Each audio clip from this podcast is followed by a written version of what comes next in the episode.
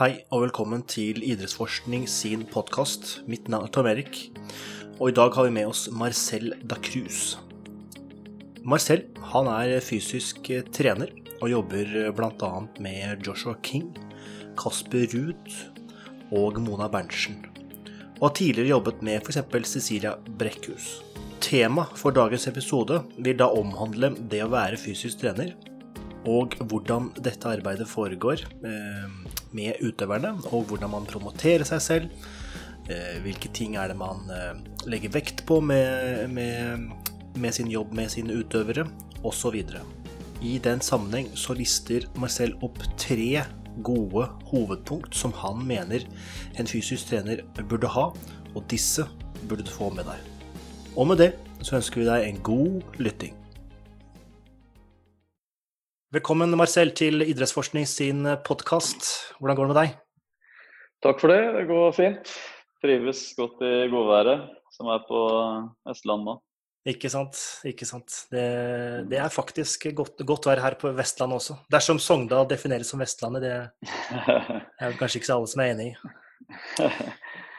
ja. Eh, du er jo eh, en eh, trener og en fysisk trener, eh, og jobber med nokså kjente, eller veldig kjente utøvere, norske utøvere.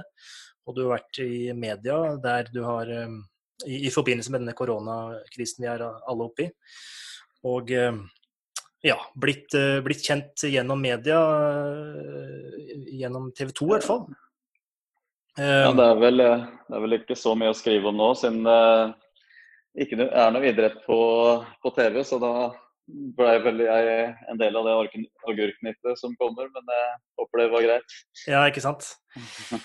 Det er jo eh, alltid interessant å høre eh, trenere som jobber med utøvere i, eh, i eliten, der du bl.a. jobber med Joshua King og Kasper Ruud. Du har jobbet med Cecilia Brekkhus bl.a. Ja. og du jobber også med Mona Berntsen, som er danser. Um, mm. Så du har jo jobbet med utrolige uh, dyktige utøvere på et svært høyt nivå. Um, så, men før vi på en måte dypdykker litt i jobben din og hvordan du jobber med disse utøverne, så ønsker vi å bli litt kjent med deg som person og hva din bakgrunn er. Så hvis du kan si litt om din utdanning og ja, jobbene opp igjennom, og hvordan du kom deg dit du er i dag? Ja, jeg, jeg, jeg begynte min høyere utdanning på idrettshøyskolen. Og så holdt jeg på å satse idrett da. Og, og eh, satsa basketball da primært sett. Og så fikk jeg scholarship-tilbud i USA, og da fortsatte jeg utdanninga mi i USA. Uh, og da var det først på en bachelor mot athletic training, som er en sånn type uh, idrettsfysioterapiretning. Men den, ikke, den, er ikke gyldig i Norge. Så etter å ha gått litt på det, så gikk jeg over til Movement Science, som de hadde på den skolen. Og så videre etter det så gikk jeg på Når jeg var ferdig med satsinga, så gikk jeg ferdig, gjorde jeg ferdig en master Uh, og jobba, skrev om og jobba mye med Det var uh, deceleration and acceleration in multidirectional sports. Mm. Og det er jo mye av det som jeg har jobba med seinere òg, for at jeg jobber mest med, for jeg har vært gjennom veldig mange andre idretter òg, så jobber jeg mest med idretter hvor det er hurtighet, vendinger, akselerasjon, den type ting. Men Eh, samtidig så, så biomekanikken og kreftene og hvordan kroppen fungerer, eh, er jo likt for alle. og Det er jo veldig mange uh, likheter, men samtidig så er det veldig mange ulike, ulikheter, selvfølgelig. Men man har, uh, er gjerne født i samme type kropp, så det er veldig mange av de prinsippene som man lærer om i utdanninga, som, uh, som gjelder hele veien. Mm, mm. Ja, jeg vet ikke om du skal si noe mer om Eller jo, en ting som, som, jeg gjerne vil nevne, som har vært veldig bra for min del. Jeg satsa som sagt eh, basketball, var på scholarship med det, og hadde sånn dual scholarship hvor jeg også holdt på med friidrett. Eh, og uh, jeg var så heldig når jeg kom hjem etter å ha vært med Da ble jeg tatt ut på, på bobsleigh-landslaget. Og jeg fikk uh, også trene etter hvert med laget med Geir Moen. Det er kanskje ikke så mange som husker han nå lenger, men eh, jeg er litt eldre enn mange. Eh, så jeg, fikk uh, løpe i teamet med han. Ja. Så det har gitt meg, gitt meg mye viktig erfaring. Både ved å trene med de, de, en av de beste sprinterne gjennom tidene fra Norge, og, og Eh, med bobsleigh, som jeg reiste rundt med landslaget der. Eh, også med samme i forhold til basketball, hvor jeg har vært ute og spilt eh, profesjonelt i Belgia og, og sånn semiproff i USA. Sånn at det har gitt meg en erfaring ved siden av den utdanninga. Å ha en master gir meg veldig tyngde og, og sikkerhet, trygghet, vil jeg egentlig si, i akkurat det med å forstå hva som skjer i kroppen, hvordan man skal utvikle de forskjellige faktorene som man trenger i forskjellige idretter. Samtidig så har jeg eh, fått uh, muligheten til å trene og være på et veldig høyt nivå i både individuelle og lagidretter, som har en del forskjeller, som uh, både positive og negative sider på hver sitt. Men de erfaringene har gjort at, eh, at eh, jeg mye lettere kan også forstå hvor utøverne jeg kommer, kommer fra, mm. og de utfordringene de, de, har. Som å sitte på et hotellrom og ikke vite liksom, mm. så mye mer enn at i morgen skal du prestere. Mm. Og det, mm. det, er ikke, det, er ikke, alle som forstår helt hvordan det er. Så det er, det er, det mange sånne type erfaringer som har hjulpet meg ved siden av uh, utdanning. Mm, mm. Uh, til å, å, bli den trener som jeg er i dag. Ja. Og Vi skal dypdykke litt uh, nærmere i akkurat det. Uh, men jeg syns det alltid er interessant når nordmenn tar utdannelse i, i utlandet. fordi det mest sannsynlig skiller seg jo fra den norske utdannelsen. Og dette blir jo litt synsing, men hvilken har, har, utdannelsen i utlandet gitt deg en edge eh, versus de som tar utdanning i Norge, som er fysisk trenere eller coach eller ja, eh, den type ting?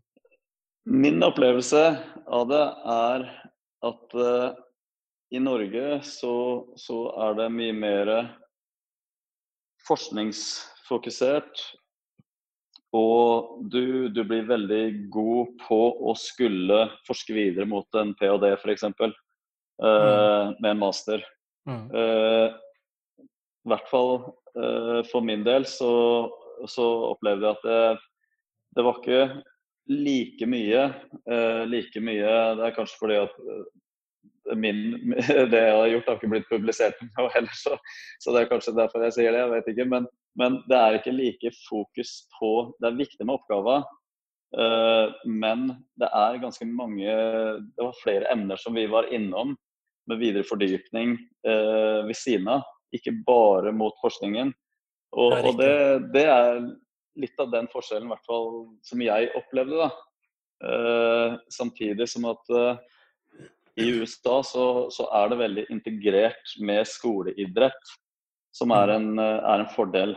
Uh, I Norge så er det ikke alltid like lett, uh, ut fra dem som jeg kjenner og, og studerte med når jeg var yngre på idrettshøyskolen og sånt, som har tatt masteren i, på idrettshøyskolen, så, så, er det ikke, ikke sant, Da må du gjerne ut i klubber eller må finne noe som du kan jobbe videre med, videre med men ofte på skolen i USA så, så har du idrettene der.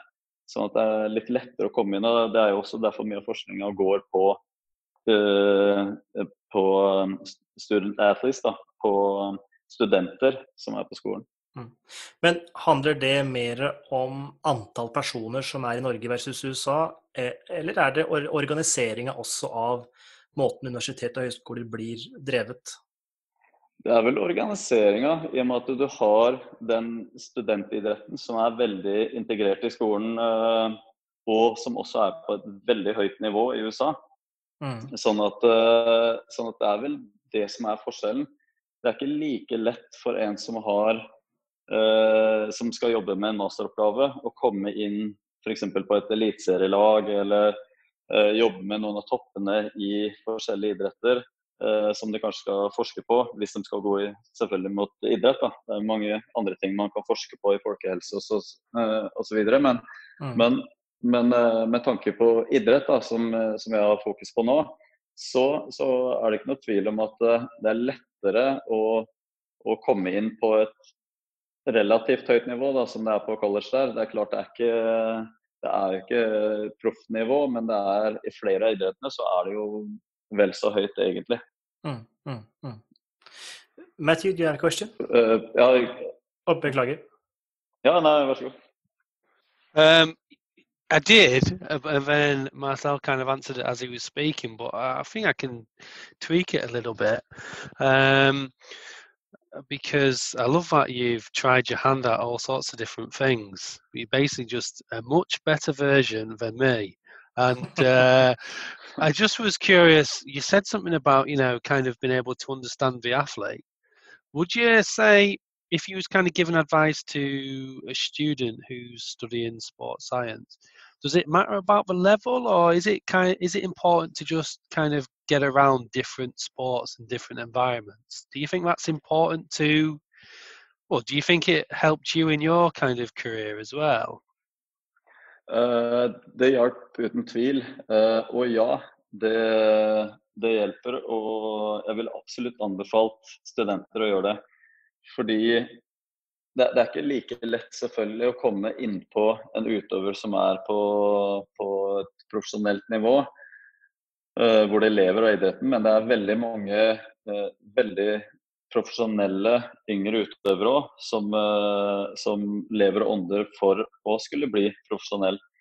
Og Jeg vil absolutt anbefale det å få en for, god forståelse for det om de ikke har egen erfaring av det. Fordi man må forstå de personene som man da skal jobbe med på det nivået.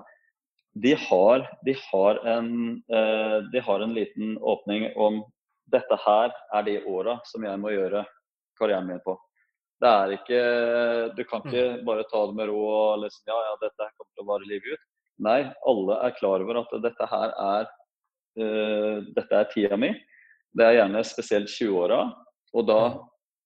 da må jeg være så klar som mulig til når jeg er i 20-åra, og da skal jeg virkelig, det er da jeg skal begynne å høste inn. Og, og det å forstå hvor, hvor kan jeg si, um, Hvordan skal jeg forklare det? Det å forstå hva de går inn i, og ha respekt for den tida som de ofrer for å faktisk være der hvor de er. Uh, det er viktig å ikke, ikke bare bli ta for lett på det. At, eh, at eh, å ja, jeg prøvde det, og så feila vi litt der, men da prøver jeg litt igjen. Ja, det er klart at noen, noen ting som man må prøve å feile på, men hvis du skal prøve å feile, så må du i hvert fall vite hva du gjør, og forstå det, sånn at du forstår hvilke feil du eventuelt har gjort. Mm. Og så kan heller ikke de feilene være for alvorlige, fordi at det vil som sagt ha store uh, kan ha store repercussions, eller uh, store påvirk stor påvirkning da, ja, på følger, ja. Mm. Uh, ja, beklager. Uh, takk. Store følger uh, og negative følger for den utøveren. Fordi at det blir du skada, f.eks. er en fotballspiller som får en kneskade i 16-17-årsalderen, så, mm. så, kan det fort være karriereendende. Fordi at da kommer det nye spillere som blir satsa på, og det er ikke sikkert klubben venter på den spilleren, som da har kanskje vært i et akademi eller i en gruppe, og så faller du utenfor. Og hvis du ikke får god hjelp ved siden av da til å trene deg opp, så kommer du deg ikke inn igjen. Og da plutselig er du ikke, er du ikke i det fokuset til treneren lenger. Og da er det en lang vei å komme tilbake, og en kostbar vei. Sånn at det er faktisk et veldig ansvar for de spillerne som er rett under det å skulle greie, eh, greie det. Uh, det ble et litt lengre svar på spørsmålet ditt, uh, Mathieu, men, men det, det, er et veldig viktig uh, poeng der. Fordi der er ofte ikke de profesjonelle trenerne heller. Og Derfor er det utrolig viktig at man får inn folk som både har uh, kompetanse, utdanning, erfaring til å hjelpe dem der. Fordi Ellers er det mange som kan ha gjort en liten feil, og så bare Oi, det var det. Og så var det den karrieren som det kortet de satsa på. Mm. Så det er viktig å ha respekt for og forstå når man går inn i det på det nivået. Mm. Yeah, I think it's kind of it's quite refreshing to hear that. Um, I mean, I've only got limited experience, but it's nice to hear someone say it's not always about, like you said, the research or the. It's not always about the the what and the very kind of hardcore subject matter. Sometimes it's about the how it's used and the why. And yes. to kind of follow up from what you just said, I'd be interested to know if you've got any, and Tom Eric, if this is going off topic, just let me know. Yeah. But I would be interested to know have you got any examples of what you might have t- uh, learned in one sport and been able to take over to another? Uh, it could be in terms of like exercise lecture or more broader things like um, like a training culture or something. I've an example I have is I've worked in football in the UK, but I tried to use a lot of kind of rugby equipment for contact, you know, like a tackle pad for when people mm. are, are jumping and heading practice goalkeepers. So that's quite a basic example. I didn't know if you've got anything like that you've been able to take from one sport and transfer to another. Uh, jo, absolutt. Uh, det, det, enkleste er selvfølgelig uh, akkurat det med hvordan man beveger seg i kutter og akselerasjoner og sånt. Men det er jo egentlig mye ganske så likt. For det om, for det om å kunne en god akselerasjon, være dyktig på akselerasjon fra sprint, tar man jo selvfølgelig med i fotball. For det om det ikke blir akkurat lik type sprint, og da kommer du gjerne inn i en situasjon hvor du skal raskt ut av en situasjon etterpå. Eller er kanskje i bevegelse til en akselerasjon, sånn at det blir litt andre typer. Men du kan ta med deg helt klart elementer om hvordan eh, kraftretningen skal gå, og hvordan du skal få et godt skyv, gode, eh, gode overganger til, en, en toppfart, eh, til et toppfartløp. Da. Men, eh, men, ellers så har jeg også, også eh, brukt f.eks. Eh, boksing. Jeg har hatt eh, bokseelementer inn i eh, tennis og, og, også fotball. Litt for det å, å skape en variasjon.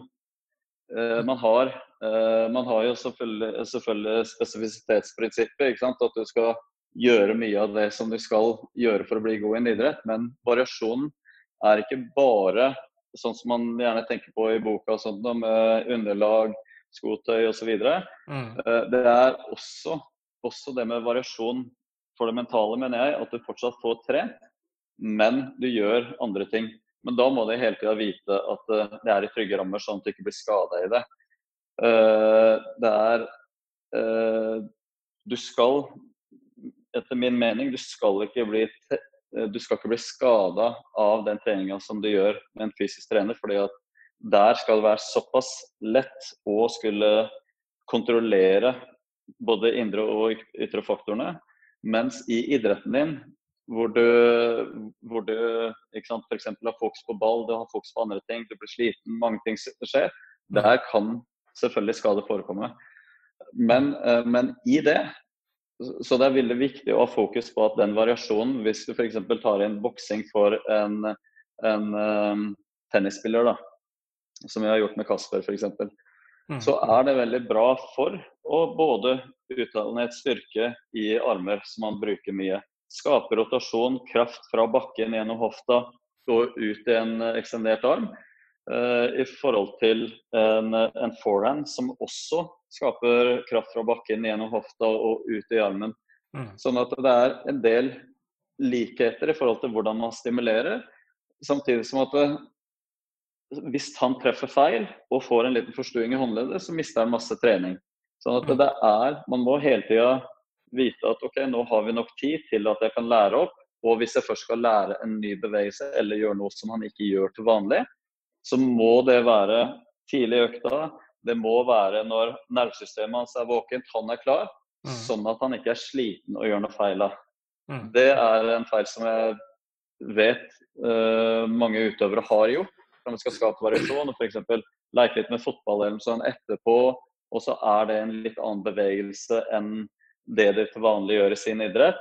Og så da kan få plutselig en liten strekk eller uh, små rupturer fordi at de skal gjøre en kjapp, eksplosiv bevegelse mens du er sliten mm. i en bevegelse som du ikke er vant til. Da mm. kan du få det. ikke sant? Til sist nevnte du sier, med tanke på tretthet og um, prøve noe nytt. Mange vil jo kanskje, ikke mange, men enkelte vil jo kanskje argumentere for at uh, man, man, jo, man, blir jo etter hvert sliten i en idrett. Og man skal jo fortsatt utøve den teknikken. Og at uh, mange vil argumentere for da at det er spesifisitet i forhold til tretthet uh, og utøvelse av den teknikken, eller hva det måtte være. Ja, det må du absolutt gjøre. Det er ikke noe tvil om at du må gjøre det også. Ja. Men, men, med tanke på variasjon, så, så, så vil jeg bare ha fokus på at det er viktig at man tenker over de tingene, ikke bare gjør noe annet fordi at det er både fint for huet, gjør noe annet, uh, gøy for utøveren osv. Mm. Uh, men man trener fortsatt. Uh, men det, det, er jo ikke noe tvil om at det viktigste for en utøver er jo spesifisitet. Den mm. trenger mange, mange timer på å gjøre akkurat den idretten. Det som er eksempelvis da med tennis, som er grunnen til at jeg gjør uh, har mer variasjon enn jeg ville f.eks. hatt for en fotballspiller, er fordi at det er så mye belastning.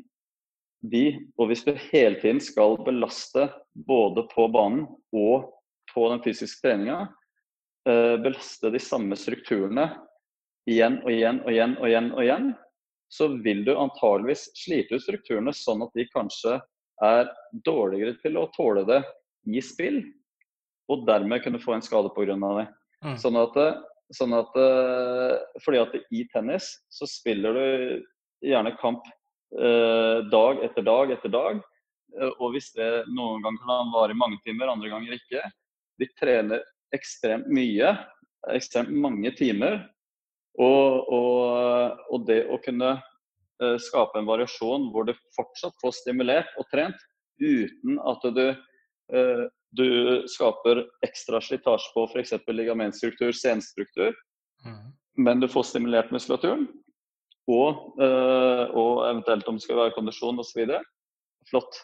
Kjempeflott. Men man må hele tida se at det er balansert ut ifra at du får nok av spesif de spesifiserte bevegelsene som du skal jobbe med. Mm. Sånn at du må hele tida ha en oversikt på den treningsbelastningen. Men hvordan kan du legge til uten å bli skada? Ok, da må du gjerne skape variasjon.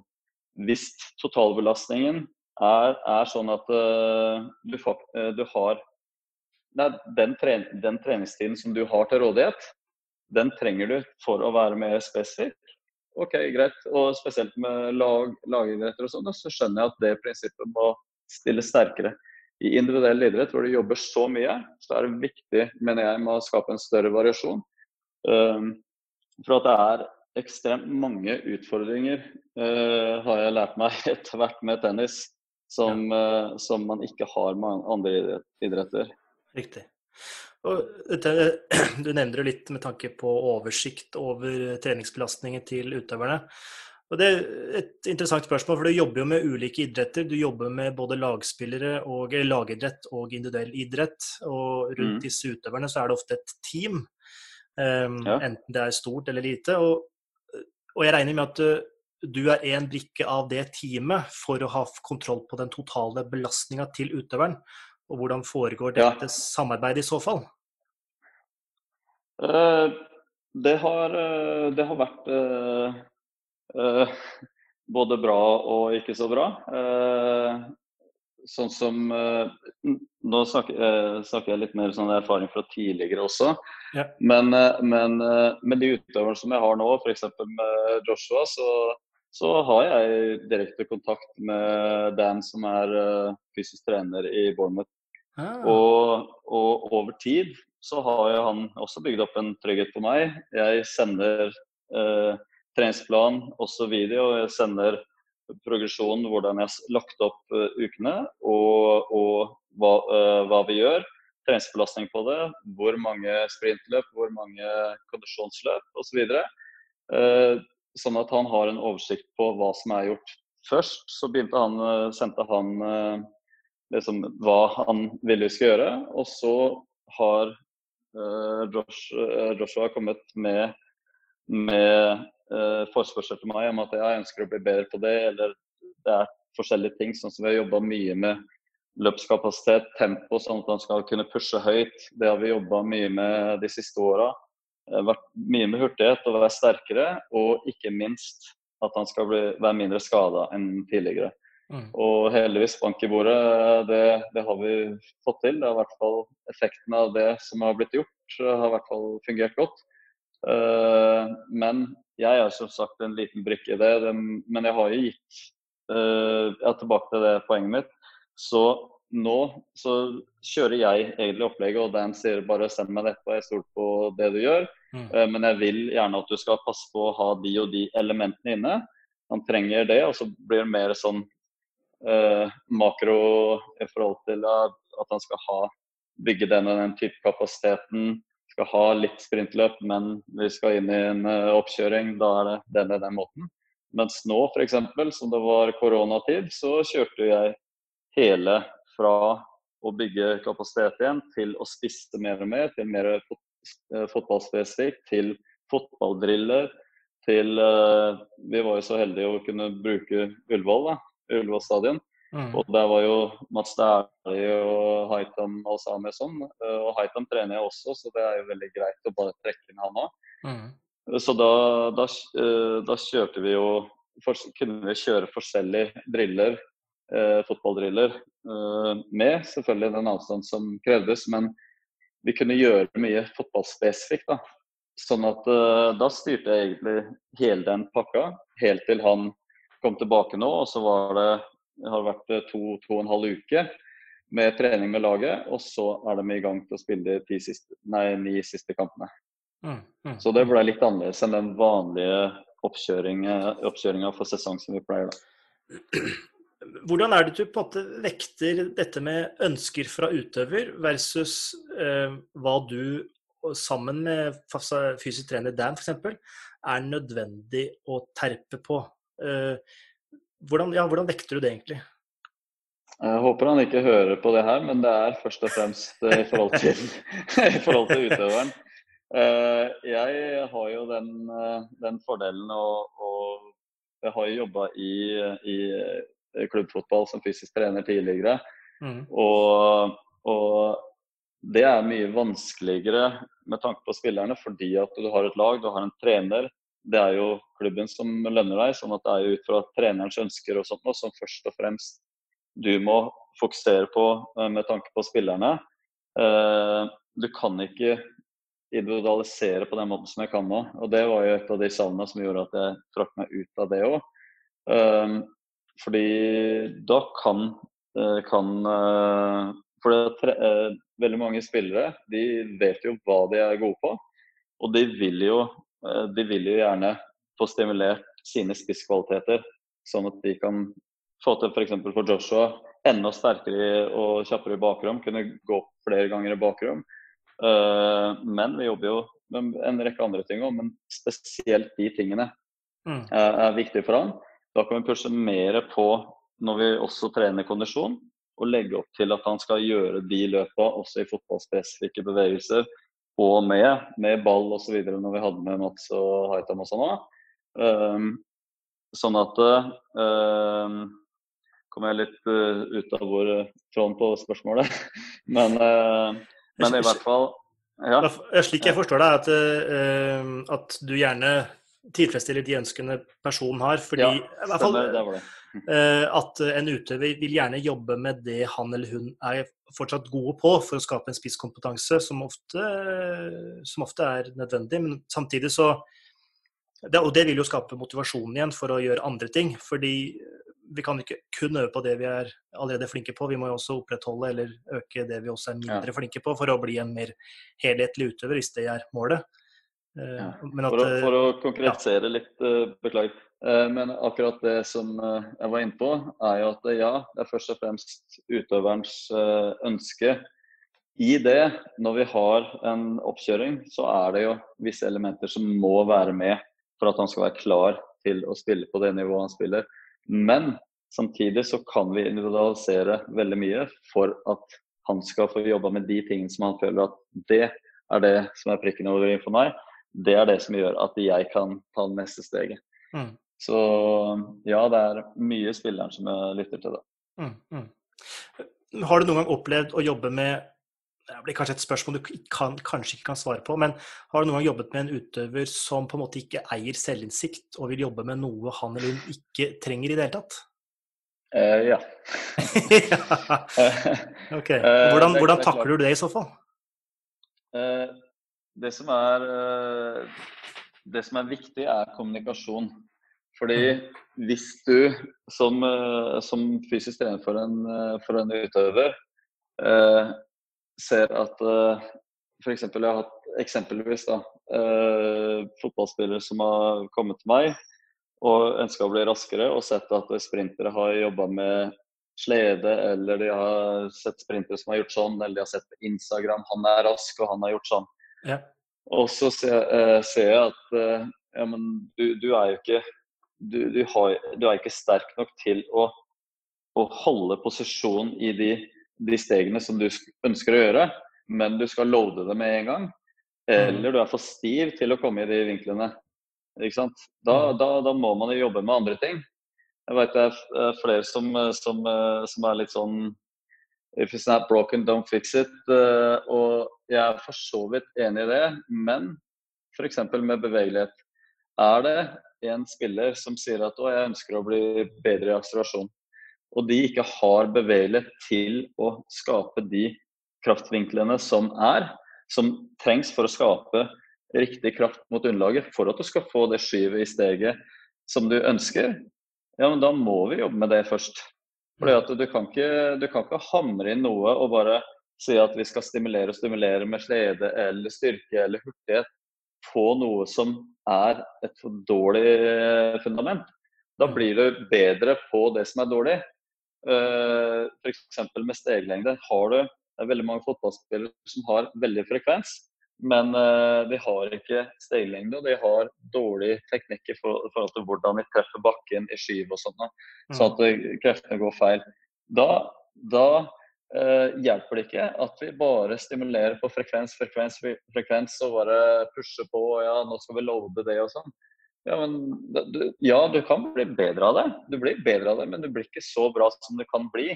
Og det er ganske stor forskjell på, på det eh, i mange tilfeller. Fordi i fotball så får du en halvmeter på en spiller, så er det et innlegg eller ikke innlegg. ikke sant? Det, det er sånne ting som uh, det, det er klart at ja, man skal ikke bare Eh, ha steg som en sprinter i akselerasjon. Fordi at i fotball så, så, trenger du noen ganger flere steg for å hele tida ha eh, bena i bakken for å kunne gjøre en retningsforandring. Mm. Helt, helt, enig. Men det er også situasjoner hvor ball går i bakrom, eller at det er lengre, lengre strekker som man skal sprinte på. Da er steglengden ekstremt viktig å være sterk til. Og det, det, jeg pleier å si, er at det er viktig at du har en uh, en større verktøykasse, at du bygger opp verktøykassa di, sånn at du har mer i forhold til langløp, i forhold til hvordan hofta skal være når det begynner å bli strekk i laget og sliten for å ikke bli skada, og for å, å, kunne løpe i høyere tempo. Altfor mange tenker at hvis de har 100% innsats, så er det 100% effekt, og det stemmer jo ikke.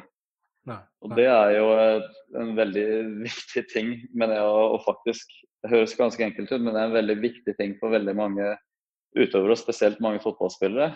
De tror at de får sprinteffekt hvis de har 100% innsats. Det er mange forutsetninger som, som må til. Eh, ikke minst at du er i form og nervesystemet er klart og alt sånt. Da. Det hjelper ikke å gi 100% hvis kroppen bare greier å levere 80 Da mm, får du 80 mm. effekt. Mm. Og det er ikke sprint.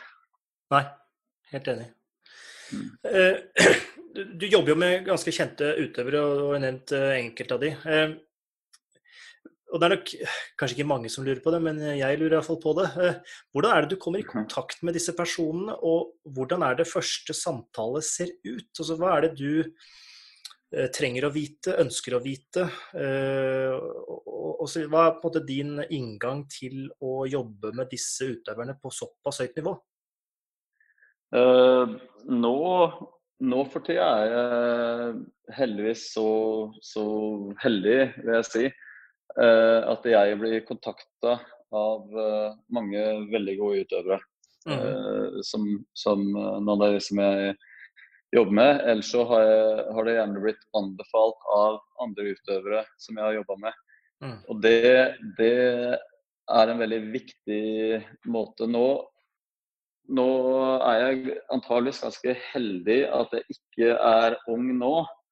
Fordi nå har du Instagram, du har eh, Facebook, du har alt mulig rart av folk som på en måte skal promotere seg sjøl og kan være veldig flink til å se ut som eksperter på, på Instagram. Mm. Som men, trenere, tenker du på da? Ja, ja. ja, ja. Men, men, eh, men eh, Og så kan en få tak i mange utøvere på den måten. Og det er, det er, viktig. Jeg ser at det er en kjempeviktig del av det å være trener nå. Jeg for min del er ikke så, så god på det. Jeg, jeg, jeg gikk liksom den gamle veien hvor hvor eh, man OK, du har en utøver, du må bevise med den.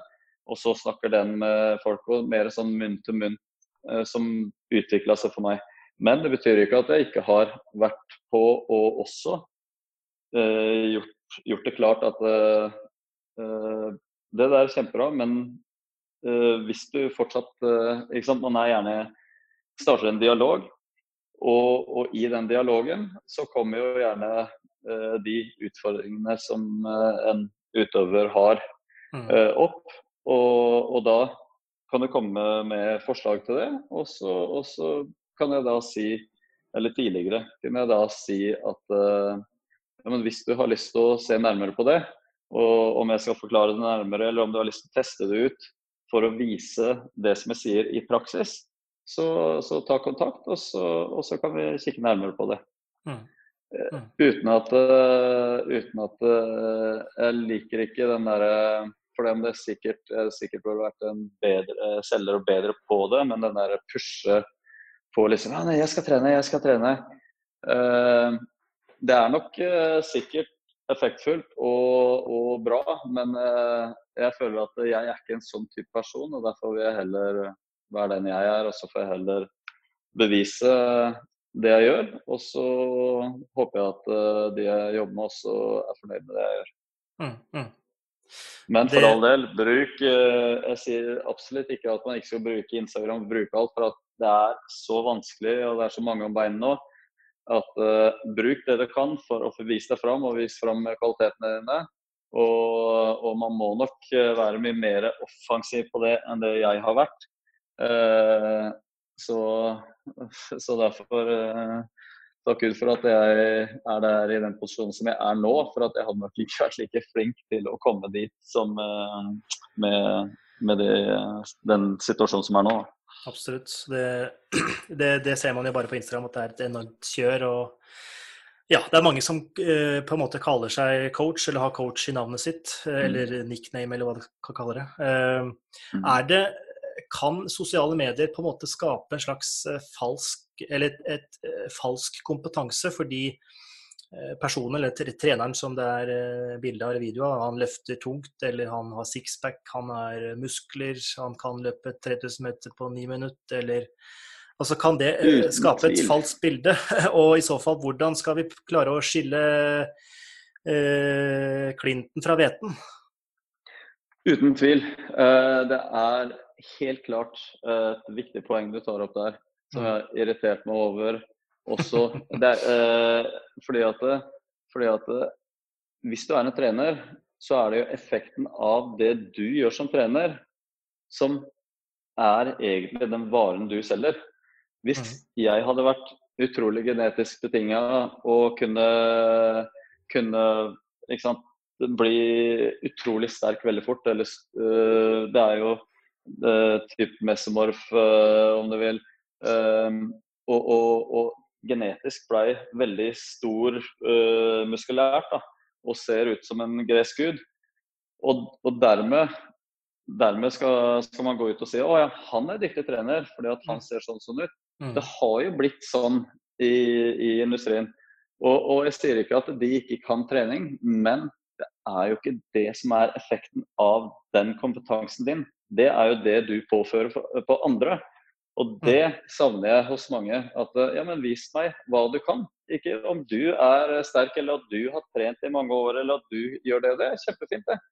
Det er flott at du har litt, eh, litt erfaring på trening sjøl. Mm. Kjempefint. Men hvis du skal vise at du er en dyktig trener, vis effekten av ditt arbeid. Og det, det savner jeg litt hos mange. At det, det er mest bilder av seg sjøl, ikke av hvem de trener og hva de får til. Ikke sant. ikke sant. Uh, Matthew? Når, når vi, ja, vi, hvis jeg kan legge til, når vi er inne på det, ja. uh, noe som vi snakka om uh, litt før sending òg, så, så, er det tre ting som jeg mener at man bør ha, bør ha for å skulle jobbe med topputøvere. Mm. Og, og det er utdanning. Jeg mener at du bør ha to av tre av de her. Helst tre av tre, men i hvert fall to av tre. Mm. Det er utdanning, og da er det, eh, mener jeg, helst minst en bachelor. Det betyr ikke at jeg ikke har sett folk som har en PT-utdanning og jobba, tatt masse kurs og jobba masse, eh, som ikke har blitt flinke. Jo, det er mange som har blitt flinke. Men for å liksom standardisere noe, eh, så har de noe som kan tilsi å være den kompetansen. Flott. Men en bachelor i utdanning eller mer. Men, eh, men, i hvert fall en bachelor, for det er viktig at man forstår kroppen. Man forstår hvilken type belastning man påfører en kropp. Og ikke minst hvordan forskjellige kropper også fungerer. Eh, det er ganske mange mekanismer som man stimulerer gjennom trening, og man må forstå de for å få, eh, for å få et komplett bilde for en utøver. Nummer to er egenerfaring at du har egen erfaring. Trenger ikke å være verdensmester, eh, verdensmester eller noe, men du, må ha, du bør ha egen erfaring i en idrett for å forstå at å ja, sånn er, fungerer idretten, sånn er miljøet, sånn er At du har en forståelse for eh, idrettens egenart. Og nummer tre er, som egentlig er den aller viktigste, er relevant erfaring.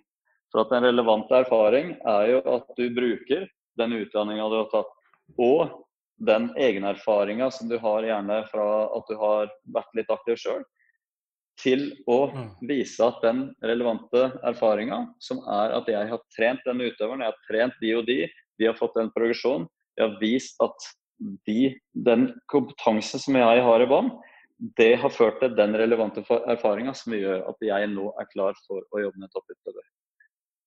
Ikke sant. Ikke sant. Uh, så mm. det er nok uh, sikkert mange som uh, er uenig med det, eller hva. Men, men, og det er mange veier til rom. Men dette her, det er en ting som jeg syns er veldig viktig. Da, for det, det, er litt for lett at det liksom Å ja, jeg har vært god her, jeg er god på den eller jeg er god på den. Det være seg om du har vært dritgod utøver, eller om du har en doktorgrad. Så betyr ikke det at du er flink til å bruke den relevante eh, og bygge den relevante erfaringa. Mm. Sånn at du, hvis du har begge, så er du enda tryggere på det for å bygge den relevante erfaringa. Mm. Mm. Og så, når du har det, da kan jeg si at yes, jeg er klar for å pushe mot, uh, mot topputøvere.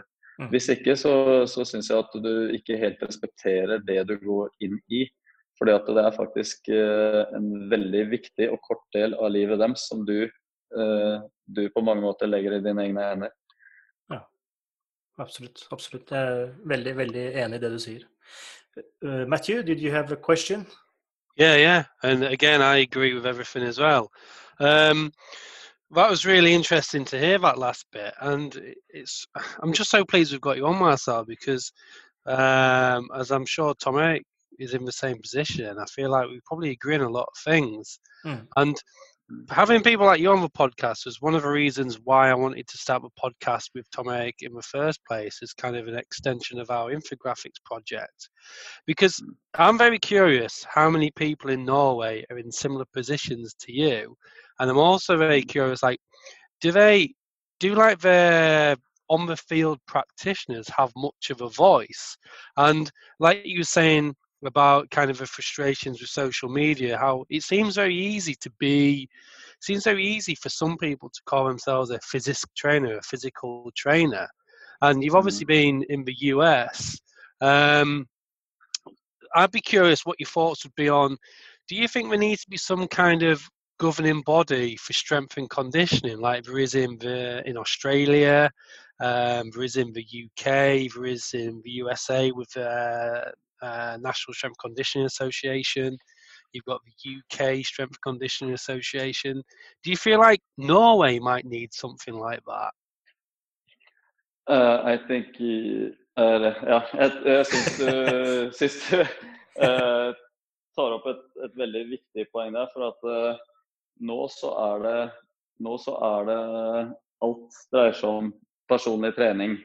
Mm. Og det er liksom det, det skal dekke alt. Uh, men dette her er noe, er noe, annet. Og jeg er, helt enig, jeg er helt enig i det du sier, at man burde ha noe som uh, en, Et eller annet som uh, Et organ som skal jobbe med den biten der. Fordi, fordi det, det, er Det er alltid vanskelig å si du er god, du er ikke god. Men, men, og det kan vel egentlig ingen direkte gjøre. Men, men man burde ha et, en form for, en form for uh, organisering som, uh, som, gjør at uh, man får litt mer kontroll på hva man faktisk har, og hva ting krever. Fordi det er ikke bare at Og jeg kjenner en som kjenner Josh, eller kjenner Karsten Warholm, eller kjenner noen som er dyktige. Og så, og så liksom ja, ja, du må spille meg inn der, for nå har jeg fått tatt, en, uh, tatt litt utdanning, eller hva. Nei, uh, det burde være kanskje noen som Sånn at du er nødt til Sånn at du blir nødt til å ta et steg eller to til for å få bedre forståelse før du da går dit. Men jeg, jeg veit ikke helt hvordan det skulle være direkte være organisert, men jeg veit jo sånn Eh, National Strength and Conditioning eh, Association og sånt nå, har gjort mm. en veldig god jobb på det, syns jeg, i USA. Mm. Eh, så det er, det er, absolutt en god idé. Jeg mm. vet ikke akkurat hvordan det skulle bli gjort i Norge, men, men jeg syns det er en god idé som det kommer inn på det. Yeah, I mean, I, I think these governing bodies have their, all of them have their problems. Uh, like, I never did anything with the UK SCA just because I wasn't really working enough in the field to justify doing the qualification. And some people have their issues with it because they've maybe got a focus on Olympic lifting. But I've spoken to a guy who's in the organization and he just says the only reason they use Olympic lifting as part of the qualification is because they need to assess somebody's competence in resistance training so Olympic lifting seems the most appropriate kind of general stuff to look at when you're working with athletes. So I, I, yeah, I know what you're saying. For me, I just feel like there needs to be something to kind of my me as an outsider, as an English guy who's worked here for nearly two years now. I just feel like lots of people don't really separate working with kind of general population clients, people who have nine to five jobs, and then working with elite professional athletes. I feel like they're very different populations and they require different skills to a certain extent, different knowledge. And I just feel like the lines are a bit blurred from what I've seen in some places in Norway. Ja, uh, uten tvil. Det er uh, du, uh, du, kan, du kan Som jeg har sagt noen ganger på noen foredrag og sånn, du kan skyte med hagle og treffe litt grann av blinken, og fortsatt uh, være OK god hvis du jobber med, jobber med, noen som ikke skal bli målt i dette her gjennom en, uh, en idretts... Uh, gjennom idrettsmål, da, om det skulle, uansett hvilken idrett det skulle være. Du er ikke avhengig av at den personen skal prestere på samme måte. Sånn at mm. du blir ikke målt på det det blir mer målt at å ja, nå har du greid det i benken eller i knebøy, eller nå, litt, nå løper jeg litt raskere på mila eller på Birken eller hva. Sånn at ja, man har prestasjonsmål i den vanlige befolkningen også, men det er noe helt annet når du øh, Hvis du skal jobbe som fysisk trener med topputøvere, så må du forstå din rolle og hvilken brikke du er i helheten. Den viktigste brikken er den idretten de faktisk gjør. Du kommer som to-tre, i hvert fall uh, kanskje lenger ned i visse situasjoner, men, men som to-tre uh, på andre-tredjeplass i, i, forhold til det. Sånn at det er, det er, utrolig viktig at man forstår at det du gjør, skal ikke hemme den, den biten som er den viktigste, som er den idretten du gjør, men det skal fremme den. Og du skal også bygge gjennom det du gjør, skal gjøre at du faktisk kan gjøre den idretten de holder på med, enda mer. Dvs. Si at det øker treningsbelastningen og tåleevnen eh, av strukturene for å skulle utøve sin idrett. Og, og, det er jo mye av det som den fysiske treninga uh, går ut på. Det er ikke bare at å ja, nå skal det bli enda raskere prestasjoner, men du skal bygge opp en kropp som skal tåle den idretten de utøver, enda mer og på et enda høyere nivå. Og forhåpentligvis også at eh, effektiviteten av arbeidet de gjør på banen, den bevegelseseffektiviteten som jeg gjerne kaller det, blir bedre. Sånn at eh, med lavere kapasitet kan du få bedre, mer effekt. Og hvis du øker kapasiteten, så skal du få enda bedre effekt. Ikke bare at du øker f.eks. VO2 max, eh, eh VO2 maksen, som at det er det eneste kriteriet for å øke effekt. Nei, hvis du, hvis du, faktisk har en bedre bevegelseseffektivitet, at kostnadene er mindre i det arbeidet du gjør, så vil faktisk kanskje ikke behovet for VO2max være større i forhold til det eh, kapasitetskravet for idretten din. Mm, mm, mm. Meget uh, mange gode poeng.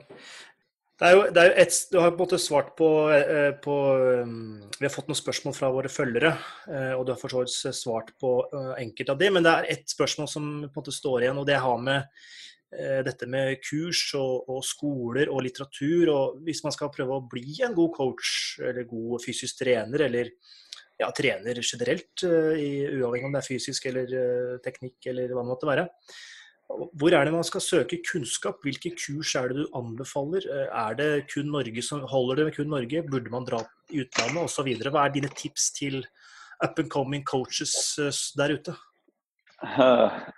Ja, sett, bort, det... sett bort fra de tre, tre, grunnpilarene du nettopp eh, snakket om i stad. Ja. Uh, jeg syns jo uh, de var tidlig ute og veldig flinke på på de Athletes Performance, uh, som Hva er det heter nå igjen, da? Uh, med, med, han godeste Mark Verstegen, som bygde i Arizona på Athletes Performance der. De, de har et bra kursing. De hadde et bra grunnkurs, et bra mentorship, syns jeg.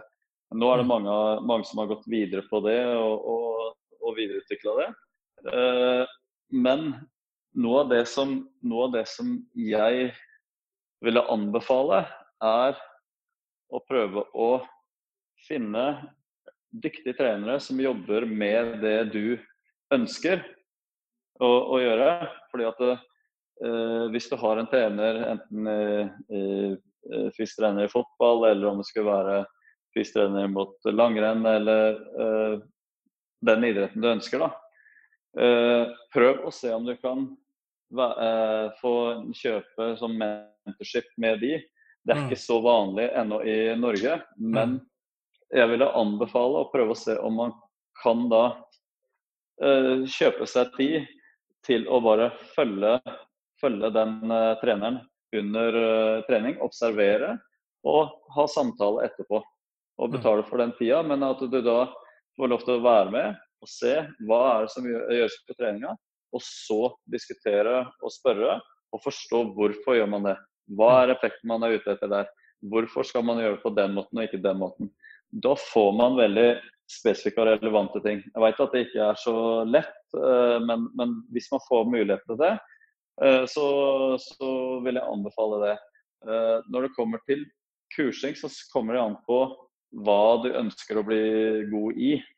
Ehm, eh, om det er eh, Om det er eh, Jeg veit jo ikke sant og Ferhaien har sitt i forhold til fotball. Det er flere som har det i forhold til fysisk trening i fotball. Mm.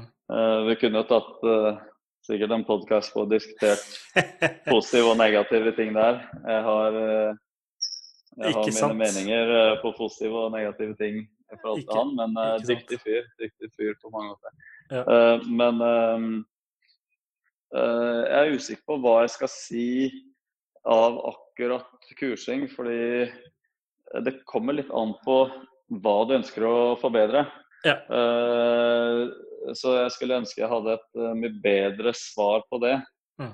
Um, Men det å Men, være proaktiv og søke, søke seg fram og se, se hva man finner. Men samtidig så er det jo en jungel der ute av kurs. og det er det. mest sannsynlig gode og dårlige kurs. og Hvordan skal man Ja. på en måte differensiere dette her, hva som er bra og hva som er mindre bra? Ja, for at jeg prøver også å følge folk som jeg syns er dyktige, og mm. se på hva de gjør. Jeg er også såpass heldig at jeg har, får innpass på, uh, på flere internasjonale klubber og, og med andre eh, dyktige forskere også nå. Og få snakka med dem og lært av mange folk som er mye smartere enn meg. Og det, det er jo Har man muligheten til det, så, så er jo det også gull. At eh, Noe av det som jeg eh, er veldig opptatt av, er jo det at hvis du greier å komme i dialog, så kan du lære veldig, veldig mye eh, av folk som, som har, er dyktige på sine ting. Eh, hvis, man bare, hvis man bare skal gå på kurs, så, så bør det være et kurs som er veldig godt fundamentert i forhold til det du ønsker. Um, og, og da kommer det jo litt an på hva slags bakgrunn du har. da. Mm. Hvis du har et PT-kurs, og ja, det er en del kurs uh, som man kan ta her i Norge. Hvis du har en bachelor, så er det fortsatt kurs du kan ta i Norge, men da uh, kanskje du kunne se om skolen din har samarbeid med noe, eller om, du har muligheten til å gå på, gå på besøk med samarbeidsskoler og sånt. Mm. Eh, fordi at, som sagt, eh, litt tilbake til poenget. Det å komme i dialog med noen, da eh, opplever jeg i hvert fall at du lærer mye mer eh, enn på kurs. Men samtidig, noen kurs er veldig bra. Og jeg skulle, jeg skulle tenkt litt over det mer. Jeg har prøvd å tenke litt nå mens jeg har gått her. Men eh, jeg skulle gjerne hatt, eh, hatt det klart for dere. Jeg kan Mm. godt eh, tenke litt på det og så sende dere noe hvis dere vil. Ja, eller så kan vi ta en del to en gang i fremtiden, selvfølgelig. Vi er åpne for det òg. ja, nei, det kan vi se på. Eh, I hvert fall, tida er der, eh, Marcel, Ja, og du har nå- trening med Mona. Og vi beklager at vi har gått litt over tida. Men helt til slutt, hvis folk vil ha lyst til å følge deg og din aktivitet fremover, hvor er det de kan følge deg rent sosialt eh, mediemessig? Uh, Cruise Performance på Instagram, så prøver jeg å, å legge ut litt. Jeg, jeg er ikke så Det blir ofte at jeg legger ut klipp fra, fra noen treninger. Mm. Uh, og litt av hvert. Uh, det er ikke Jeg kan nok bli litt bedre i å lage litt bedre videoer, men det er i hvert fall illustrert tydelig det vi gjør. Mm. Uh, og så kan jeg se om jeg kan få, blitt litt, enda litt bedre. Men eh, på Instagrammen min på Chris Performance, det er nok den beste plattformen. Så jeg har begynt med også eh, Chris Performance på Facebook, eh, men den er liksom Den er jeg ikke helt i gang med. Under arbeid. Men eh, Instagrammen, eh, den er nok den beste å følge. Ja. Supert. Eh, Da vil jeg takke for at du tok deg tida til å snakke med oss, Marcel. Det har vært svært matnyttig for både oss som sitter her og hører på, og de som snart skal høre på om, om, en, om en måned ca. Den er godt. Tusen takk for at dere ville ha meg. Supert. Da får du ha en god trening med Mona. Vi snakkes. Det skal jeg. Her har hun kommet òg. Ha det. Ha det bra. Ha det.